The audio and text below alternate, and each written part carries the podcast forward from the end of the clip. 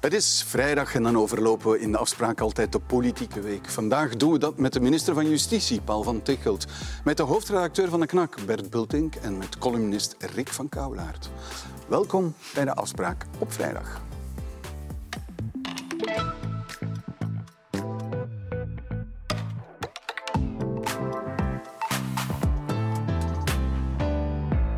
Goedenavond allemaal. Goedenavond, meneer Van Tichelt. Het Internationaal Gerechtshof in Den Haag heeft Israël nu opgedragen om alle mogelijke maatregelen te nemen om de genocide in de Gaza te gaan vermijden. Wat betekent dat volgens u? Uh, dit betekent uh, ja, dat Israël wordt opgeroepen om uh, voorlopige maatregelen te nemen. Maar de vraag stelt zich natuurlijk of Israël zich daaraan zal houden. Enfin, de vraag stellen is ze beantwoorden natuurlijk. Hè. voor de Belgische regering is het zo. Wij hebben vorige week duidelijke afspraken gemaakt. Wij zullen op het ogenblik dat het arrest is tussengekomen, nu dus, gaan we bekijken met de regering of we gaan tussenkomen op basis van artikel 63 van het verdrag.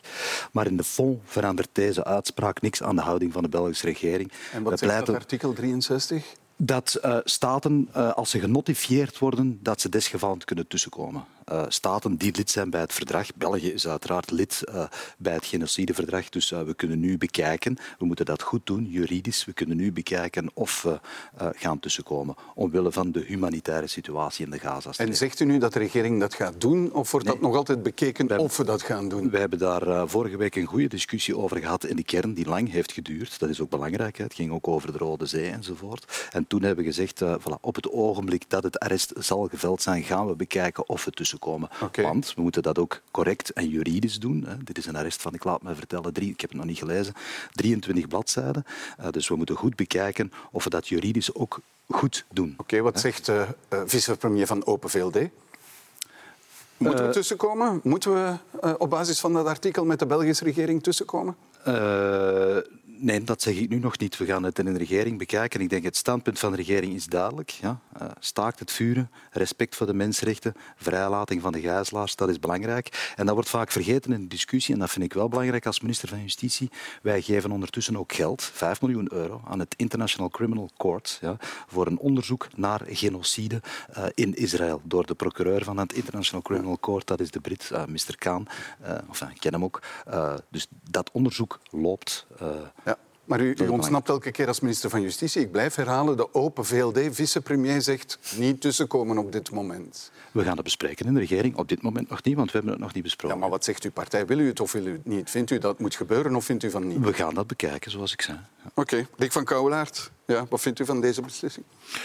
Uh, bij de beslissing van nee, de regering. Van, van is, uh, het internationaal gerechtshof. Wel, ik heb de indruk dat iedereen die een beetje op zijn eigen manier al interpreteert. Want ik zie dat langs uh, de, de, de, zeggen, de, de medestanders van Israël en Israël zelf. Men zegt ja, het is een grote overwinning voor ons. Hè, want er, is, er wordt eigenlijk nog geen beslissing genomen. Men zegt alleen, het moet zijn best, Israël zijn best moet doen om te voorkomen dat er genocidaire daden worden gesteld en zijn mensen die ze eventueel zouden stellen ook tot de orde roepen.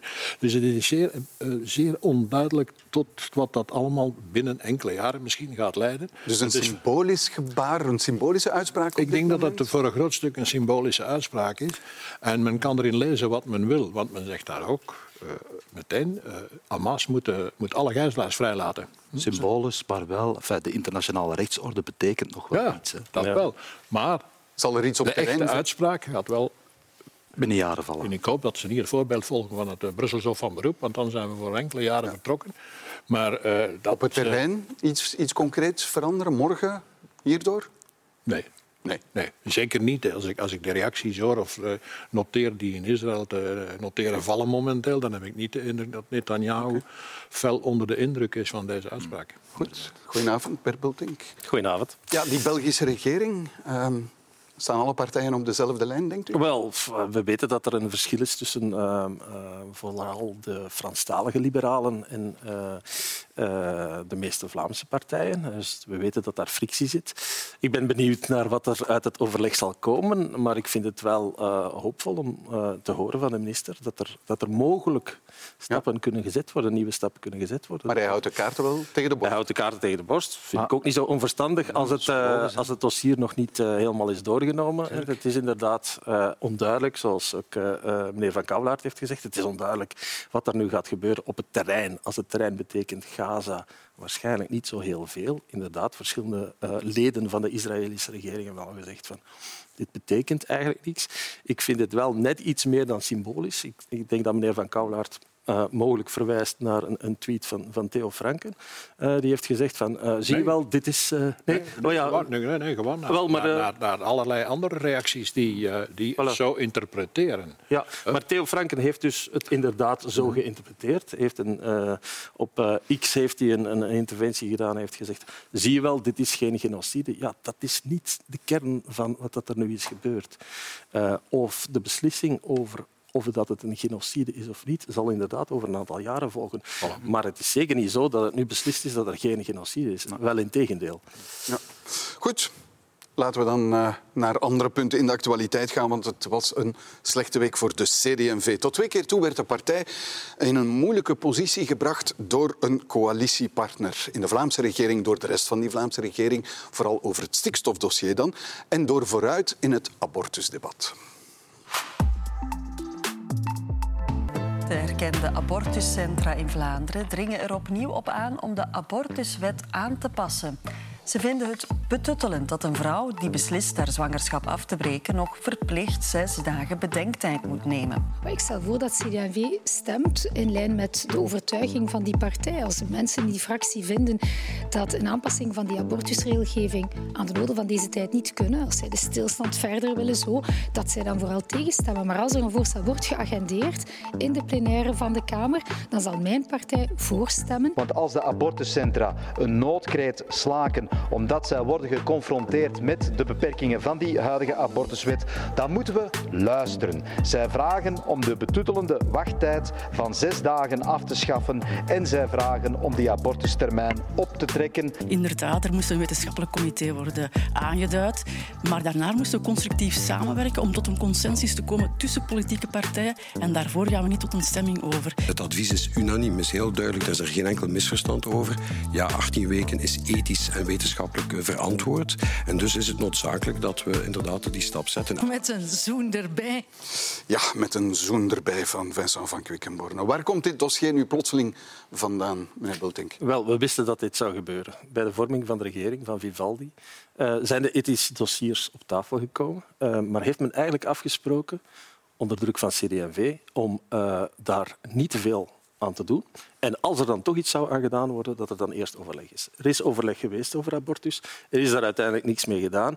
Maar we wisten de laatste maanden van een regering, eh, aangezien dat CD&V mathematisch niet nodig is, hè, dus zonder CD&V komen ze nog aan een kleine meerderheid van 76 op 150, maar dat is voldoende. Zeker in de laatste maanden van een regering kan dat voldoende zijn. En we wisten dus dat dit voor frictie ging zorgen. Um, of dit nu werkelijk uh, de regering gaat doen ontploffen, dat weet ik niet. Ik vermoed eigenlijk van niet. En dat is dan toch nog altijd een verschil met het einde van, van Zweeds bijvoorbeeld, waar het Marrakesh-pact Marrakesh eigenlijk... Maar je maakt, u maakt wel de vergelijking. Ik maak wel de vergelijking omdat je voelt dat in de laatste maanden van de regering dat er begint te komen dat ze een beetje ontrafelt. Ja. Dat voel je wel. Dus wel een gevaarlijk dossier? Ja, maar... Of sommigen zeggen gewoon vooruit is bezig zich te profileren? Het is profileren. Het is deel van de kiescampagne, zeer zeker. Ik denk niet dat de regering hierover uh, gaat vallen of dat CD&V de regering gaat verlaten. Al weet je dat nooit natuurlijk. Is een consensus mogelijk, meneer Van Tichelt? Want dat is de vraag die de CD&V zich stelt. We moeten, om tot een standpunt te komen, die consensus bereiken.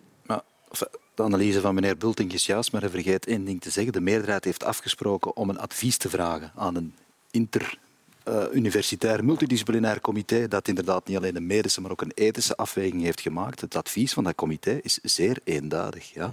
En wie is er nu het slachtoffer van de stilstand? Dat zijn honderden vrouwen per jaar die naar Nederland als een dief in de nacht ja, uh, abortus gaan laten plegen, die dat doen aan een kost die veel duurder is, die niet de psychosociale begeleiding hebben die ze hier in ons land wel krijgen. Dus het is inderdaad tijd dat de meerderheid, mm ja, dat we de CD&V, dat we elkaar opnieuw diep in de ogen kijken en dat we hier vooruitgang boeken. Ja. Uh, en wat is, wat is vooruitgang dan? Want CD&V zegt niet voorbij de 14 weken.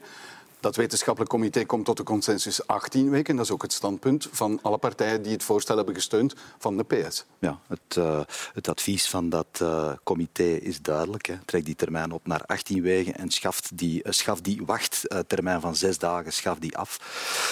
mevrouw Herman Michielsen heeft in de jaren 80 12 jaar gevochten, laat ik mij vertellen, om die abortuswet tot stand te krijgen. dat mag nu geen 12 jaar meer duren. we moeten elkaar diep in de ogen kijken en we moeten tot de consensus komen. Wat consensus uiteindelijk zal zijn, dat weet ik niet. Maar het is wel duidelijk. Het advies van dat comité is eendadig en, en, en heel duidelijk. Hè. Maar er is wel één partij die niet meegaat in dat advies en dus ook niet in die consensus. Eh, wij moeten daarover spreken. Hè. Het alternatief zal zijn, allee, er wordt mee gedreigd, alternatieve meerderheden enzovoort. Dan riskeren we chaos. Allee, over zo'n dossier kunnen we ons geen chaos permitteren. Dus dit moet op een propere manier worden afgehandeld, uh, samen met de CD&V, uh, eh, in het belang van die honderden moeders hè, die nu niet... Ja. Oké. Okay. Gaat het CD&V het been stijf houden, volgens u? Wel, als ik zie wat in de loop van de jaren de CD&V allemaal al toegegeven heeft, in, uh, zowel in de Vlaamse regering, hè, kindergeldaffaire, herinnert u, stikstof, uh, een stevig dossier. En hier, hier, zijn, hier is de partij voor gewaarschuwd geweest toen ze in de regering stapte door een aantal naar eigen mensen. Pieter de Krem. Pieter de Krem onder meer, maar ook anderen. Hebben gezegd, pas op, op het einde van de rit komen de ethische dossiers op tafel. Nu, ik weet niet wat er daar in de uh, Atoma-schriftjes staat van de verschillende partijen aan afspraken. Nu, eruit stappen, nu, nu nog, in het, licht, in het zicht van de verkiezingen, Terwijl je eigenlijk de regering niet kan doen vallen. Want ze hebben een meer. De, de, de, wat, wie over de coalitie overblijft. Heeft enkele hendel. Heeft geen enkele F-boom. En dus ik vraag mij af uh, hoe ze zich uh, ooit in deze situatie hebben, uh, hebben laten meeslepen. -huh. Mhm. Waarom eigenlijk? Maar ze, zijn hier, ze zijn hier totaal verloren. Ze gaan moeten gewoon zeggen en toegeven: kijk, er is een parlementaire meerderheid. Misschien had men gehoopt dat het advies van dat comité niet zo eenduidig zou zijn. Maar dat, was, toch is nu eenmaal dat was toch ijdele niet naastlezen. Dat was toch ijdele hoop van in het begin. Ja, want de CD&V wijst op de wetenschappelijkheid van, en er is een rapport, en, en er zijn zelfs voetnoten. En uit die voetnoten komen een aantal conclusies. De wetenschap doet ons nee, zeggen ze. Ja. Het, het kernwoord in heel dit dossier is denk ik het woord pijnprikkel. Ja. Uh, pijnprikkel uh, is, is, is uh, ja, wat je kan voelen als foetus. En ja, dat is zeker niet voor de 15 weken, dus dat is zeker verder dan 12 weken. Um, maar het is ook pijnprikkel voor CD&V, omdat je voelt van ze kraken hier niet weg. Maar meneer, als je, als je Els van, van Quickenborn die zich ook op de wetenschap beroept. Ja. Tuurlijk. Ja. En er is grote consensus. Dat advies. Dus eh, wat je voelt, en ik sluit mij aan bij wat meneer Van Kavelaert heeft gezegd, CD&V, je voelt ze al opschuiven. Ze zaten op 12. Els van Hoof, die voor CD&V het uh, dossier opvolgt, is al opgeschoven naar 14. Maar zie je ze opschuiven naar 18 om de consensus te bereiken? Maar 18, dat, dat geloof ik niet. Uh, okay. maar, maar misschien wel naar 15 of 16. Of, uh, het is eigenlijk zeer erg dat er met dat soort van dingen ja. moet gemarchandeerd worden. Geen ja, ik wou net zeggen... Het is geen koehandel. Hè? Nee, nee, precies. Maar dus u zegt daarmee, het zal 18 zijn of het zal niet zijn? Maar ook hier, hè, ik kan het resultaat niet voorspellen. Hè. We zijn met meerdere. Ik zeg alleen, we moeten elkaar diep in de ogen kijken en we moeten hier tot een resultaat komen. Allee, dit is te belangrijk. Hè. Maar gaan jullie, het, gaan jullie het stemmen als CD&V niet meestapt? Daar zijn we nog niet. Hè. We gaan, wij hebben afspraken gemaakt ja, met de CD&V en de meerderheid en die trachten we te respecteren. Ja, maar dat staat wel heel netjes in het regeerakkoord. Met abort is ook gebeurd destijds. Hè. Men heeft het parlement zijn verantwoordelijkheid gegeven. Nu, CD&V probeert het te koppelen aan anderen of dreigt ermee om het te koppelen aan draagmoederschap bijvoorbeeld, een dossier waar de PS zeer moeilijk zit, dreigt het te koppelen aan euthanasie, nieuwe strafwetregels, uh, um, dan maak je er één groot pakket van. Is dat dan wel de koehandel die op de tafel gaat komen? Eh, dat dit gekoppeld wordt eh, aan andere dossiers, andere ethische dossiers op een gegeven ogenblik, dat kan best zijn, hè, inderdaad. Hè. Dat, zou zelfs een goede zaak kunnen zijn, dat we in al die dossiers vooruit gaan kunnen boeken. Maar nogmaals, we gaan niet wielen en dealen over 12, 14, 16 weken. Hè. Dat is, maar misschien als die dossiers gelinkt worden, zal er misschien wel gewild en deeld worden. Uh, euthanasie, het is ook niet toevallig. Hè. Het is deel echt wel van de campagnemodus waar dat de partijen in zitten. Het is ook niet toevallig dat het rood en blauw is die nu op de ethische thema's gaan, het typische paard reflex. Um, maar we hebben gevolg gegeven aan een noodroep van het Vlaams Abortuscentrum. We hebben deze discussie Absoluut. zelf niet aangewakkerd. Hè. Het komt van het terrein. Hè. Ja, ja, maar dat er een nood aan is, en trouwens ook voor euthanasie, voor voilà. dementeren, dat is een zeer schrijnende situatie Absoluut. waarin dat mensen wel kunnen aangeven dat ze euthanasie willen, maar niet meer als ze dementerend zijn, met als gevolg dat ze te vroeg euthanasie moeten plegen. Dat is ja, ja, een belangrijk, dossier. belangrijk dossier voor de CDMV? Wel, is een belangrijk dossier, maar ik herinner me toch toen uh, destijds de, de, de hele uh, abortusaffaire werd afgewikkeld en later ook euthanasie, dat een aantal anciens van die partij zei ja, eigenlijk was onze achterban liep voor op ons. En ik vrees dat dat hier een beetje ook het Ethisch, geval is. Op ethische, op ethische op dossiers, ethisch dat, in, dat, die, dat die niet meer zou... Uh, zal ik maar zeggen, op één strakke lijn zitten, dat men eigenlijk al, de, de achterban zit al veel verder. Okay. De manier waarop hij daarover denkt. En ik vrees dat ze zich daar gaan moeten bij neerleggen. Ander, ander dossier, andere regering. Ook in het stikstofdossier kon CD&V anders dan het goedkeuren? Um, duidelijk niet, hè, maar dat hebben ze uiteindelijk gedaan uh, met, met grote tegenzin. Wat ik wel opvallend vond, is dat je dus binnen de schoot van de regering uh, een, uh, een akkoord tekent en een decreet stemt. Um, en dat je dan meteen zegt, ja, maar daar gaan we geen campagne mee voeren. We gaan campagne voeren tegen dat decreet eigenlijk. Want we willen de Boerenbond, die onze achterban is en die helemaal niet blij is met dit decreet, gaan we toch tevreden stellen. En dat heb ik nog wel niet zo vaak gezien. Dat je eigenlijk op het moment dat je, ze, dat je het decreet stemt, dat je zegt van, ja, maar het het is toch niet helemaal wat we willen. En we gaan direct een alternatief op, uh, op tafel leggen. Dat, dat vond ik wel opvallend. Ja, Boerenbond zeer ontgoocheld, hè? Ja, dat wel. Dat, uh, en ik denk ook terecht, als je ziet dat dat hier uh, is afgewikkeld geweest. En daar ook heeft de CD&V op zeker ogenblik het momentum gemist. Want in de partij Monia van Tichelt zat toen ook een aantal tegenstanders, mevrouw Rutte, om er maar één te noemen. Bart van Heulen bijvoorbeeld. Ja, die, eigenlijk, die eigenlijk vonden dat dat hele dossier op niks trok en dat dat moest herwerkt worden. En daar hebben zij op geen enkel moment gebruik kunnen van maken. Ja, en dan, dan heb je die, die ene, of dat ene parlementslid, Tine Rombouts, die echt wel vasthoudt aan haar principes. Ja. Mooi, toch? Dat is zoals uh, destijds uh, verroken in, uh, in, ja. met Leuven-Vlaams. Maar het gevolg van het vasthouden aan de principes is ook dat ze stopt met de politiek. Precies. Ja, dat had ze al aangekondigd vooraf. En het was duidelijk dat het daar over dat stikt. Want zij komt daar uit een, uit een streek die zwaar onder druk zal staan binnenkort. Daardoor, en zij komt uit, zij is een... Streek ken ik goed. Ja, dus dat, dat leeft wel sterk in uw regio? Dat leeft uh, enorm sterk ja, in de Kempen, West-Vlaanderen. Ja, de streek van Hoogstraat, Mechelen, ja. uh, Merksplas, Weelde. Ja. leeft daar enorm sterk in. Nu, de regering, de Vlaamse regering rege uh, negeert het advies van de Raad van State. Is dat iets wat... Is dat een groot risico? ja, negeren Naast zich neerleggen. Ja, uh, uh, strikt juridisch kan dat. Hè. Het is een advies van de afdeling wetgeving van de Raad van State en het gebeurt nog.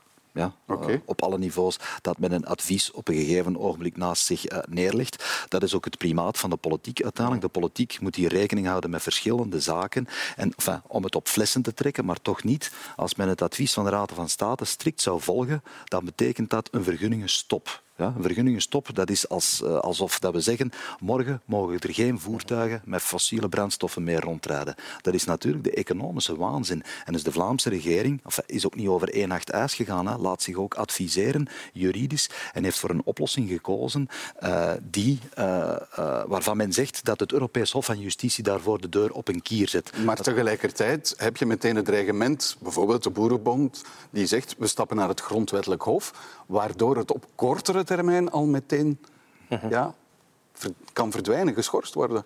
Uh, ja, maar ja, we leven in een rechtsstaat. Hè. Dus dat, dat zijn nu eenmaal de rechten die men heeft. En dat is maar goed ook, hè, dat mensen uh, het grondwettelijk hof kunnen vatten.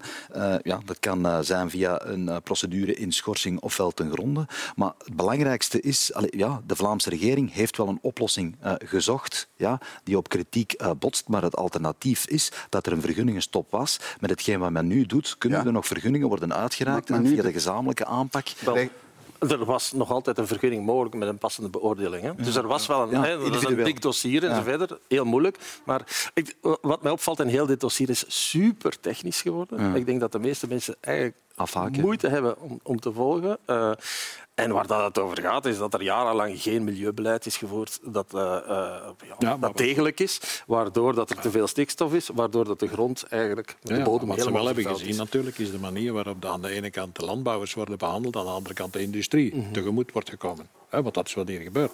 En nu wil ik ook nog altijd zien hoe de reactie gaat zijn vanuit Nederland. Precies. Tegen INEAS, want het is vanuit Nederland dat daar het verzet gekomen is. En als ik het uh, goed heb, zijn ze zich daar opnieuw aan het even nog zeggen, de etaankraker in de Antwerpse Voilà. haven, maar vooral een natuurgebied in Nederland dat te maken zou kunnen krijgen met de stikstofneerslag van Voilà. het bedrijf. En dat zich toen verzet heeft en, dat daar, en wat de Raad van State heeft gezegd, is ook wat in Nederland is gebeurd. Want inderdaad, in Nederland is men, is men ook strakker geweest dan de, dan de regering wat de vergunningen betrof. Hè. Ja, want heb je dan voldoende, bied je voldoende rechtszekerheid aan boer en ondernemer met een decreet wanneer je weet dat het over afzienbare tijd wellicht door het grondwettelijk hof vernietigd wordt? Ja, maar nu loopt u iets te veel op de zaken vooruit. Wellicht, dat woordje wellicht had je weg moeten laten. Maar dat is nu altijd zo. Hè. Uh, men kan tegen elke wet naar een grondwettelijk hof stappen. Hè. Dus rechtszekerheid heb je nooit in een rechtsstaat. Hè. Uh, in een autoritaire staat daar Maar meneer Tichel, er is wel een verschil natuurlijk. Hè. Dit is echt wankele basis voor, voor die vergunningen die worden uitgereikt. Hè. Ja, maar wat de kans is heel groot dat er naar het grondwettelijk hof wordt gestapt. Ay, mensen, Ja, de Boerenbond heeft al aangekondigd om dat te doen. En dan gaat het dus opnieuw uh, een probleem zijn. Want dat was er gaat die ongelijkheid ongetwijfeld van, aan, aan Ja. de orde zijn. Want dat is waar dat grondwettelijk hof over De, gaat. on- de ongelijkheid zal worden aangekaart en het feit dat men voor die gezamenlijke aanpak kiest en voor de individuele Voilà. aanpak. Hè. Dus niet bedrijf per bedrijf of stal per stal, maar men probeert een Ja, ja, men, gezamenlijke heeft, men, aanpak te men werkt daar op modellen waarvan iemand heeft aangetoond dat ze ook nog kloppen. Ja, wij zouden het eerste land in Europa zijn dat het doet. Maar alleen nogmaals, hè, de Vlaamse regering gaat hierover ook niet over één nacht ijs. Laat zich hier deskundigen adviseren. Uh, ja, en we doen het uiteindelijk ook om, om, om de landbouw überhaupt nog mogelijk te maken in Vlaanderen. Ja, maar ik vind dat wel een belangrijk punt, die rechtszekerheid. Als die er niet is, want dat is wat dat boeren onder meer vragen, maar ook Ineos en, en, en andere ondernemers, die vragen gewoon, ja, wat gaan we doen als we hier eh, een heel plan, eh, als we kapitaal verzamelen en zo verder, dan kan het zijn dat die vergunning ineens wordt ingetrokken. Dus we zitten wel degelijk met een probleem. Ik snap dat er eh, een soort van oplossing is gevonden binnen de schoot van de Vlaamse regering, waar dat je een beetje verder mee kunt, waar dat je tegen je kiezer ook kunt zeggen van hebben toch iets bereikt. Maar de facto is er nog altijd een groot probleem voor mensen die willen ondernemen in, in, Vlaanderen en voor mensen die een, een boerenbedrijf hebben. Is de CD&V met deze beslissing de boeren kwijt? Oh, die is al lang bij. Ik denk dat, die, dat dat al veel langer het geval is. Uh, dat, dat voel je bijvoorbeeld in streken als West-Vlaanderen en ik vermoed ook in, uh, in streken van de Kempen, de Noorderkempen. Dat, uh, dat voel je inderdaad. Dat is, die zijn ze kwijt. Ik denk dat ze daar meemaken. Die zijn naar Vlaams Belang op dit moment. Dat is een beetje de partij die... Dat die, die waren al een stukje opgeschoven, de, de boeren in de vorige, bij de vorige verkiezing trouwens. Dat is voor een groot stuk de, de, de ommezwaai in West-Vlaanderen heeft het succes van het Vlaams Belang mogelijk gemaakt. Maar nu zeker, omdat er is ook geen, voor hen geen enkele andere oppositie mogelijk Ik bedoel, in hun, met een stem tegen wat de, regering hier, de Vlaamse regering hier gedaan heeft. Hè. En zij zijn letterlijk, uh, letterlijk in de steek gelaten door de CD&V. Is dat het fenomeen dat u ook ontdekt in de Kempen? De boeren die zich aansluiten bij Vlaams Belang en het protest dat Vlaams Belang voert tegen bijvoorbeeld dat stikstofakkoord? Uh, ik, ik, weet dat de boeren in de Kempen inderdaad malcontent zijn, uh, maar de verkiezingen zijn volgens mij pas binnen vijf maanden. Dus uh, voilà, het zal hard werken zijn, maar ja, aan politiek doe je om oplossingen te zoeken. Hè. En inderdaad, het is niet simpel. U heeft dat gezegd. Ja. Misschien had men inderdaad eerder zijn verantwoordelijkheid moeten nemen en sneller met oplossingen moeten komen, want nu is het inderdaad eigenlijk vijf na Het punt twaalf. met dat dossier is dat men het van in het begin, zeker toen het in handen kwam van mevrouw Demir, is men beginnen gebruiken als een manier om af te rekenen met CD&V. Men wilde de CD&V kapot maken. En men wilde de CWB losmaken van zijn achterban, zijn de Boerenbond. Vandaar ook die, die voortdurende schimschuiten richting Boerenbond. En dan heeft dat dossier van in het begin verziekt. Men heeft nooit ernstig gewerkt aan een oplossing in die dagen. Maar daar ging het om. En dat is nu in hun, uh, in hun handen ontploft. Wel, wat dat dossier echt heeft verziekt, is natuurlijk de jaren die eraan vooraf gingen. Onder CD&V-bestuur. Dat is, dat, waar, waarin is, dat ministers van, van Landbouw en ja, Omgeving... Dat is, allemaal juist, dat is allemaal juist. Alleen het gaat nu over deze regering. Ja, ja maar ik, ik volg uw analyse. Wordt het een verkiezingsthema? Ik of is het, het daarvoor... Een... Daar, daar wel. Daar wel, daar wel. Maar voor heel Vlaanderen?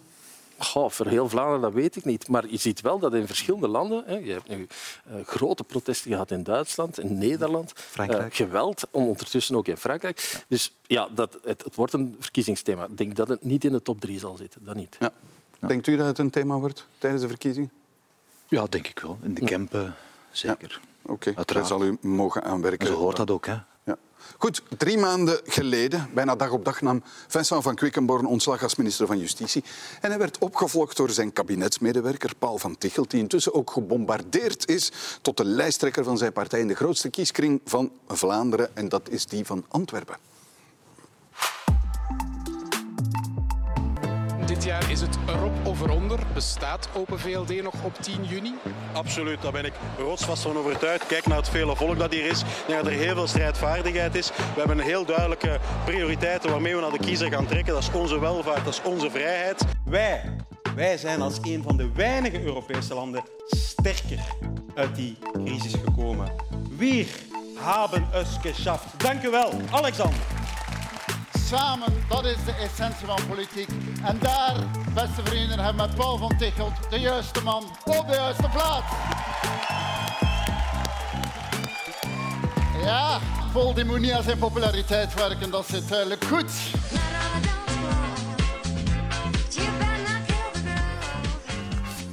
Ja, een leuk feestje blijkbaar daar op de nieuwjaarsreceptie. Er was ongenoegen toen u minister werd in de partij. Onder meer Gwendoline Rutte uh, reageerde toen heel fors. Is dat weg?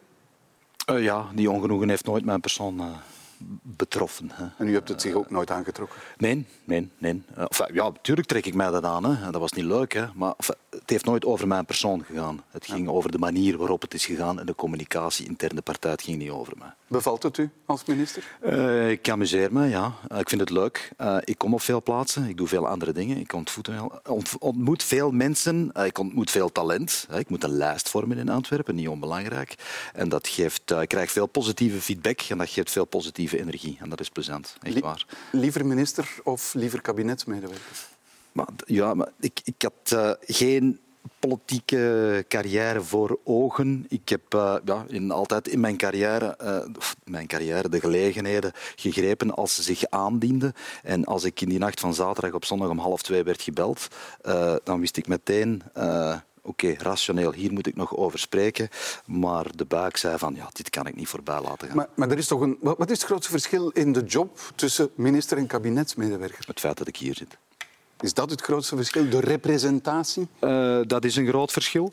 Uh, maar ik heb uh, in der tijd voor Patrick de Waal gewerkt, dus ik wist hoe dat het er achter de schermen aan toe ging. Hè. Nu voor Vincent van Quickenborne. Wat er nu persoonlijk voor mij bij komt, is één, de job als vicepremier. Dat is een verandering. En twee, natuurlijk, hè, die, die politieke job, de lijst vormen in Antwerpen. Zorgen dat die VLD in de provincie Antwerpen opnieuw op de rails komt. Uh, en dat we daar een sterke, uh, sterke score halen. Hè. Dus dat is nieuw voor mij. Dat is eigenlijk de grootste verandering. Hoe doet hij het als politicus? Ik vind het voorlopig niet zo slecht, eigenlijk. Um, niet zo slecht. hij is, uh, is een kabinetaar heeft. Hè. Ook had geleid enzovoort. Vanuit de structuren komt hij, vanuit de dossiers, laten we zeggen. Um, en dat zou wel eens een plus kunnen zijn. Waar dat het heel vaak een, een, een, een nadeel is, omdat je geen uh, campagnebeest bent of uh, geen twintig jaar parcours in, in de politiek hebt. Maar dat uh, komt wel samen met een soort van authenticiteit. als je dat vergelijkt met je voorganger, die wel gepokt en gemazeld is in de wedstrijd. Vincent van Quickenborne is echt een politiek beest. Um, dat had zijn voordelen, maar dus ook zijn nadelen. Je krijgt die authenticiteitseffecten die je eigenlijk voor een stuk, niet helemaal, maar voor een stuk kunt vergelijken met de wissel aan, aan de top van vooruit, waarin Conor Rousseau eigenlijk echt ook een politiek beest is en nu uh, vervangen is door Melissa de Prateren, die uh, ja, veel rustiger is, maar dat werkt ook wel. Dat heeft een zekere authenticiteitseffect. Denk ik. Ja, wat, denkt, wat denkt u mee van Kouwelaars? Het is natuurlijk niet de gemakkelijkste post, uh, minister van Justitie, om u op te profileren en, en, en een, een, sympathie te wekken bij de bevolking. Er is altijd wel iets dat uh, bij, bij justitie verkeerd gaat en waar men zich dan over beklaagt. Maar, maar, dat, dat, departement kende hij nog. Is, ja, is, het, is het politicus zijn? Maar van daaruit, van, vanuit dat departement dan ook nog eens gaan uh, in Antwerpen, waar je dus duidelijk, laten we maar zeggen, met de Open VLD in de verdrukking zit. Hè. Je moet gewoon kijken naar wie, wie nog, in, de, wie nog in, het, in het gemeentebestuur van Antwerpen zit. Hè. En uh, dan, dan weet je genoeg. En je voelt dat in die provincie, ja, die, die, die, die, die, die kracht van vroeger, dat die voor een groot stuk verdwenen is. Dus je moet dat opnieuw gaan reanimeren. Oh er zijn, er zit, ik denk dat er ondertussen in Antwerpen misschien meer liberalen bij de NVA zitten dan bij, de, dan bij Open VLD. Maar ik, ik, ik, nodig u uit om dit weekend mee te gaan naar de recepties. Hè. U zal mhm. verbaasd zijn van het enthousiasme dat er leeft in Antwerpen. Hè. Ik meen het. Hè. Stad, ja, maar ook bij de Antwerpen of gans de provincie. In Schilden, in. Dat geloof ik dat er binnen de partij enthousiasme is. Maar bij de kiezer is een ander verhaal nou, Het begint bij de partij en dan gaan we de Maar dat zegt men ook altijd van, van, van congressen en zo. Van die enthousiaste congressen, maar die natuurlijk wel vol zitten met kabinetaars. Ja, maar ja, I like the uphill battle. Hè. ik ben directeur geworden van het antiterreurorgaan in volle terreurcrisis. En nu uh, voilà, neem ik politieke verantwoordelijkheid uh, voor een partij inderdaad, die door moeilijk water gaat. Ja, dat is een uphill battle, maar dat is een mooie uitdaging. En ik doe het ook uit uh, overtuiging. Ja, maar het verschil tussen zo'n departement, kabinet, medewerker en wat u nu moet doen, is u moet ook mensen overtuigen om op u te stemmen. Zegt u eens, waarom zouden wij op u stemmen? Mocht u in Antwerpen wonen? Maar omdat u mij graag ziet en omdat ik ben wie ik ben. Uh, omdat ik echt ben. En inderdaad, omdat ik uh, uh, niet gemaakt ben om politieke praatjes te brengen. ik probeer aan beleid te doen, aan bestuur te doen. Het nieuwe strafwetboek is goedgekeurd. Allee, we hebben een belangrijke wetten goed. Dat is wat ik probeer te doen. Ik ken het terrein. Ja. Ik weet wat er leeft bij de magistratuur, bij de politie. Ik spreek met veel slachtoffers. En van daaruit probeer ik dingen te doen. En dat is, dat is mijn verantwoordelijkheid. En waarom koos u voor de liberalen? Omdat, uh, ja, dus ik kom uit de magistratuur. Dus tot 22 oktober was ik uh, magistraat. Ik heb nooit een lidkaart gehad, uh, lidkaart gehad van welke partij dan ook, omdat dat niet past als magistraat. maar dus ik heb op 22 oktober na ontslag als magistraat een partijlidkaart gekocht. waarom heb ik dat gedaan? omdat als magistraat durf ik hier te zeggen dat onze liberale rechtsstaat dat die op zijn grondvesten davert. Ja? En die liberale rechtsstaat, ja, onze welvaartsstaat, is erop gebouwd wie beter kan die beschermen dan een liberale partij? Dat zijn de liberale fundamenten van onze rechtsstaat. Die moeten wij beschermen en daar uh, wil ik graag uh, mee aan meewerken. Uh, met mijn expertise als magistraat, als ex-directeur ook had. En die stel ik nu ter beschikking. Enthousiasme ontbreekt niet. Toch doet de Open VLD niet goed op dit moment. Hoe nee, komt dat, dan? Ja, dat is natuurlijk een veel bredere problematiek die al jaren aansleept.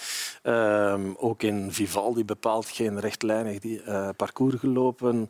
Um, en een, ah, neem nu de, het kernprobleem van de VLD, denk ik, is onder meer het feit dat dat de partij is van de belastingverlaging en dat die twintig jaar lang uh, hebben meegeregeerd en dat dat er eigenlijk niet is van gekomen. En de vennootschapsbelasting die is niet er, er zijn hier en daar. Tijdens Zweeds is er iets gebeurd, dat klopt. Maar voor de rest is er eigenlijk heel weinig gebeurd. En ik denk dat uh, uh, de VLD, en dan heb ik het niet over meneer Van Tichelt zelf, maar de VLD in zijn geheel een geloofwaardigheidsprobleem heeft. Dat dat de partij is die altijd wel zal meedoen en altijd wel water bij de wijn zal doen. En ik denk dat dat, dat nu de rekening volgt. Ja, akkoord met die analyse? Grotendeels, omdat dat, ja, dat is ook het probleem van alle traditionele partijen geworden die in de regering stappen. Hè? Want dat is, ja, ze doen mee, want ze, willen, ze, zijn verknocht aan die macht.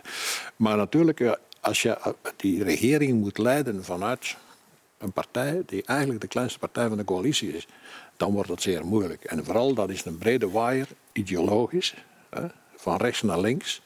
En bij PS, laten we eerlijk zijn, zitten er een paar jongens die dicht aanleunen bij extreem links eh, inhoudelijk dan is dat zeer moeilijk. En je voelde daar op zeker ogenblik in het begin was daar, werd daar goed samengewerkt tussen de premier en uh, Frank van den Broeke, bijvoorbeeld in de covid-crisis. En dan voelde dat dat, dat, dat marcheert. Maar gaandeweg is dat beginnen ver, verbrokkelen. En ja, dan op den duur werd elk dossier een confrontatie. Hmm. Even terug naar de stad Antwerpen, binnen die, die provincie. Dat is een het probleem. Wel, ja, dat wou ik net, net even signaleren. CD&V heeft nog geprobeerd vorige legislatuur met Chris Peters daar naartoe te sturen. Nu heeft de CD&V het helemaal opgegeven. Ze is zelfs haar lijsttrekker, Ori van der Wouwer, Ja. eh, eh, kwijt. Maar ze hebben daar al langer natuurlijk een, een recruteringsprobleem. Trouwens, zoals alle traditionele partijen in Antwerpen. Ik wou net stad, zeggen, gaat de Open VLD de Tour van de CD&V op, volgens u? Dat denk ik wel. En er speelt daar heel duidelijk een Bart de Wever-effect. Dat is gewoon de, de, de, de strafste politicus, eh, eh, retorisch gezien, van het land nog altijd. En speelt de rest is wel moeilijk. Hè? Voilà. Oké, jullie Ja. mogen die analyses maken. Ik zal proberen werken. Hè. Voilà. Dus, eh, Ja, maar de realiteit is er wel natuurlijk hè, in de gemeenteraad. Hoeveel liberalen zitten nog in de gemeenteraad op dit moment in de stad Antwerpen? Het is een partij die op sterven na dood is in Ik de zit- stad. Ik zit eh, drie eh, maanden en vijf dagen in de politiek. Eh, geef me alstublieft nog wat tijd. Ja? En ik kan niet anders doen dan mijn best. En ik zal mijn stinkende best doen. Ja? En ik probeer de kiezer te overtuigen van het feit ja, dat een liberale partij dat die nodig is. Ik wil morgen niet wakker worden in een wereld zonder liberale partij. Ik heb twee kinderen, voor hen doe ik het. Kan u als niet-Antwerpenaar, stad bedoel ik dan, in Antwerpen iets betekenen? Is dat niet zo'n microcosmos dat het zo moeilijk is als Kempenaar uit de rest van de provincie Maar- om in die stad iets te gaan betekenen? Als Kempenaar, ik ben een eh, Antwerpse Kempenaar of een Kempische Antwerpenaar. Ik heb lang in Antwerpen gewoond en gewerkt. Ik zie veel mensen in Antwerpen. Ik verzeker u, ik heb daar al veel talent gezien. Ja, veel talent. eh, en het is inderdaad kwestie van die mensen ook te overtuigen. Want je voelt inderdaad de reticentie, ja, de partij enzovoort. Ja, aan mij om die jonge mensen te overtuigen. En binnenkort gaan we onze lijst bekendmaken en dan mag u dat beoordelen of dat gelukt Oké, goed.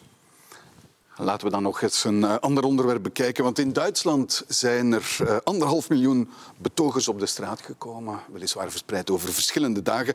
Om te protesteren tegen de uiterst rechtse partij AFD. En de concrete aanleiding was een complotvergadering met leden van die partij.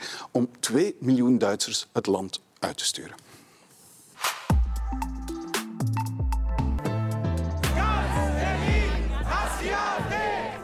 Denke, es ist allerhöchste Zeit, dass noch viel, viel mehr Menschen sich endlich wieder melden, bevor es zu spät ist. In Duitsland wordt massaal geprotesteerd tegen de uiterst rechtse partij Alternatieven voor Duitsland. Vandaag zijn meer dan een kwart miljoen mensen in verschillende steden de straat op gegaan. Ich bin hier, um für die Demokratie einzustehen, ähm, einfach der AfD keine Fläche mehr bieten, einfach aufzustehen und einfach anzusagen, dass es so nicht weitergeht. Vlaams Belang schuift migratie naar voren als verkiezingsthema en gebruikt daarbij een beladen woord. Er voltrekt zich een heuse omvolking. En beste vrienden, beste journalisten in de zaal, dat is helemaal geen theorie of één groot duister plan.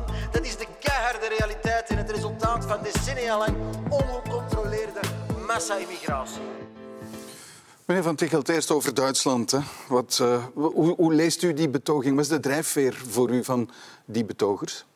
De betogers die protesteren tegen het AFD. Hè? Ja, inderdaad. Duitsland, ja. Wat daar gebeurt eh, de afgelopen dagen, het weekend. Ja, die tegenbetoging vind ik uiteraard goed nieuws. Hè. Waar tegen ze betogen, dat vind ik iets minder goed nieuws. Ehm, allee, het AFD, eh, die, die, die dreigt met de deportatie, of dreigt, ja, die vraagt dat, dat eh, 2 miljoen migranten worden gedeporteerd. Die zich daarbij ook baseren op die omvolkingstheorie. Ja.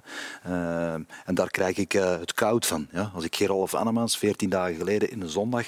eh, eh, eh, als ik hem lees, dan zegt hij er is een globalistische elite die onze cultuur en identiteit wil vernietigen. Dat is letterlijk die samenzweringstheorie dat die omvolkingstheorie is. Ik vraag me dan af, wie is die globalistische elite? Zijn wij dat dan? Uh, daar krijg ik het koud van. Uh, want dat, de volgende stap is ontmenselijking. En u weet wat de volgende stap is na ontmenselijking. Dan zitten we bij geweld. Brandon Tarrant, lees uh, de man van Christchurch in maart 2019, heeft meer dan 40 moslims uh, doodgeschoten. Lees zijn manifesto. Dat ging over die omvolkingstheorie, de white genocide, the great replacement. Uitgevonden door een pseudo-filosoof in Frankrijk, Renaud Camus. U gaat daar niet licht over. Nee, daar word ik bang van. In Duitsland bestaat de mogelijkheid om partijen te verbieden. Ja. Daar wordt over nagedacht. Ja. Wat vindt u daarvan?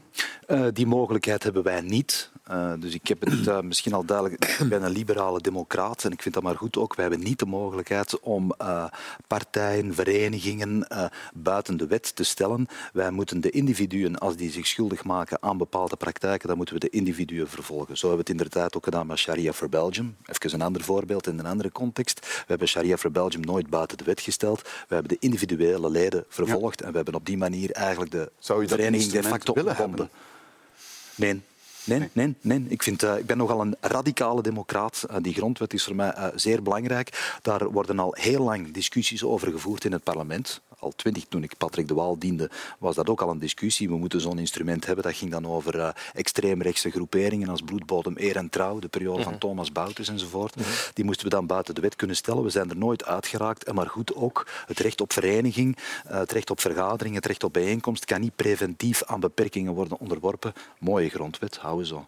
Ja, in Duitsland waren er peilingen na de betogingen.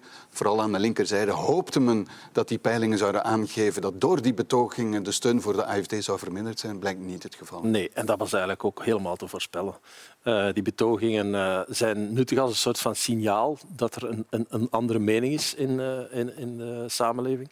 Ik, vanochtend was er een, een, interview in Der Spiegel met Anton Jäger, de, de Vlaamse analist. Politicoloog. En, en politicoloog. En zei van ja, kijk, dat, dat is inderdaad wat dat er te verwachten is. Dat is nuttig om dat te doen, maar je kan daar geen omslag van verwachten. Ik denk dat het altijd zo is. Ja. Je ziet dat ook in ja, de verschillende acties die in Vlaanderen zijn geweest.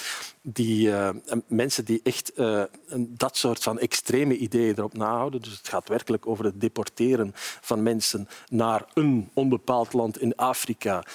En niet alleen van mensen met migratieachtergrond, maar ook mensen met de Duitse uh, ja. nationaliteit. Sociaal niet geadapteerd zijn. Ja, dat komt wel heel dicht bij de jaren dertig. Ja. Verontrust het u? Natuurlijk. Ja? Natuurlijk, ja. Ik denk dat dat een van de grootste uitdagingen is nu. Um, uh, het is nuttig, denk ik, om de nuances te blijven zien en niet uh, alle uh, rechtse en extreemrechtse politici over één kam te scheren en goed te luisteren naar wat dat er gezegd wordt. Maar dit is een heel helder voorbeeld van iets dat niet kan en zonder meer gevaarlijk is. Ja, want daar werd in die betoging heel vaak het bordje 1933. Ja. Dus die vergelijking werd alvast in Duitsland ja. heel vaak gemaakt. Natuurlijk, ja. Dus, uh, we hebben in KNAK hebben we al jaren een, een, een slotrubriekje en daar is de vraag van zijn de jaren 30 terug. Dat is een beetje een gimmick geworden. Dus ja, je kunt zeggen van dat is te vergelijken. Het doet eraan denken. Andere mensen zullen zeggen nee, het heeft allemaal niks mee te maken. Het is een beetje een retorisch spelletje. Maar tegelijkertijd ja, boezemt het angst in, dat denk ik wel. Ja. En dat zou het moeten doen in alle geval. Boezemt het u angst in? Wel, ik denk dat de, de belangrijkste verkiezingen die ons te wachten staan, zijn de Europese, wat dat betreft. Want hoe gaat dat in de rest van Europa evolueren? Als ik zie de manier waarop Meloni nu heel salonveeg is geworden in Europese middens. Dat gaat heel snel. Hè? Nochtans, die kwam echt uit een fascistische familie. Maar, uh, politieke familie dan. Maar in, in, in, in, Duitsland is het natuurlijk helemaal beladen door de geschiedenis. En het, uh, het verbod op die partijen, extreme partijen, die, die, die uh, ja, maar zeggen, tegen de grondwet ingaan, dat is er zeer snel gekomen na de oorlog. En dat, dat was vooral voor extreem links en extreem, extreem rechts. Want ook de communisten werden verboden. Hè. In, in Duitsland zijn dat een beetje vergeten, met het beroepsverbod vroeger. Dus nu is dat wat heel moeilijk, want de AFD, hoe is de AFD ontstaan? Dat is wel interessant. Die is ontstaan als een anti-Europese partij. Het andere facet, het wat nu zich uh, houdt, als dat, dat extreem rechtse element, dat is er pas later bijgekomen. Maar in, het begin, in de begin had hij een zekere sympathie bij mensen die, laten we zeggen, euroceptisch waren. Mhm.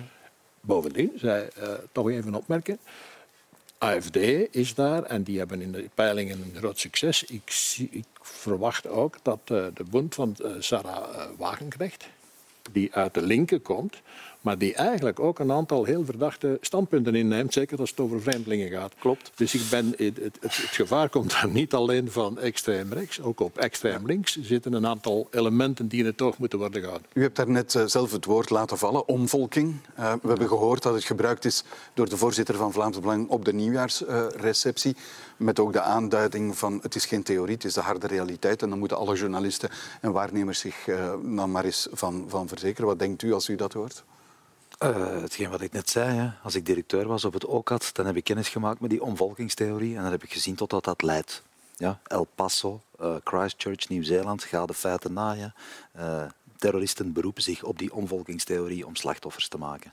Ook in ons land zijn ook mensen ook hier zijn in ons land uh, wij hebben op het OCAT, of uh, wij, ik zit daar niet meer op het OCAT, sorry, uh, kasten vol ook, hè, met dossiers over rechtsextremisten. Hè. Dus we hebben dus die terroristenlijst, daar staan er een zeventigtal op van rechtsextremistische ideologieën. Dat is gevaarlijk. Het maakt ons niet uit welke ideologie. Als het gaat om een gewelddadige ideologie, dan moeten we die bestrijden. En zijn er banden tussen die 70 mensen en politieke partijen? Kunnen we zo ver gaan? Uh, de, de, die, die, banden zijn uh, zeker niet uh, uitgesloten. Hè? nee, nee, nee, nee. er is ooit, voilà, er staat nu iemand terecht in Gent, als ik mij niet vergis, die ooit lid is geweest van die partij. Ja. Dan heb ik het over Wat mij toch opvalt is dat meneer Van Grieken bewust dat woord gebruikt natuurlijk, wetende wat dat gaat teweegbrengen. Ja. En inderdaad de media als een troep buffels zijn daar tegenin gegaan. En het is de hele omvolkingstheorie, die van een debiliteit is die niet te beschrijven is, dat wordt plots het gespreksonderwerp. Ja, terwijl maar... terwijl uh, sociologen in een stad die, die spreken van de communautarisering van een wijk. Dat wil dus zeggen dat in een wijk waar vroeger autochtonen wonen, dat daar nu een nieuwe bevolkingsgroep is neergestreken. Dat is, een, dat is een, iets wat je regelmatig ziet in steden in de loop van de geschiedenis. Je kan, je kan zo zeggen hoe de migratie verlopen is aan de hand van de bevolking van bepaalde wijken. Is dat de omvolkingstheorie? Nee. Dat is gewoon een sociologische vaststelling die je maakt. Dus verder dan dat is het ook niet. Maar de, mij verbaast het toch wel dat wij, media, daar, zoals ik zeg, als een troep buffels achteraan gaan ja, en in die val trappen.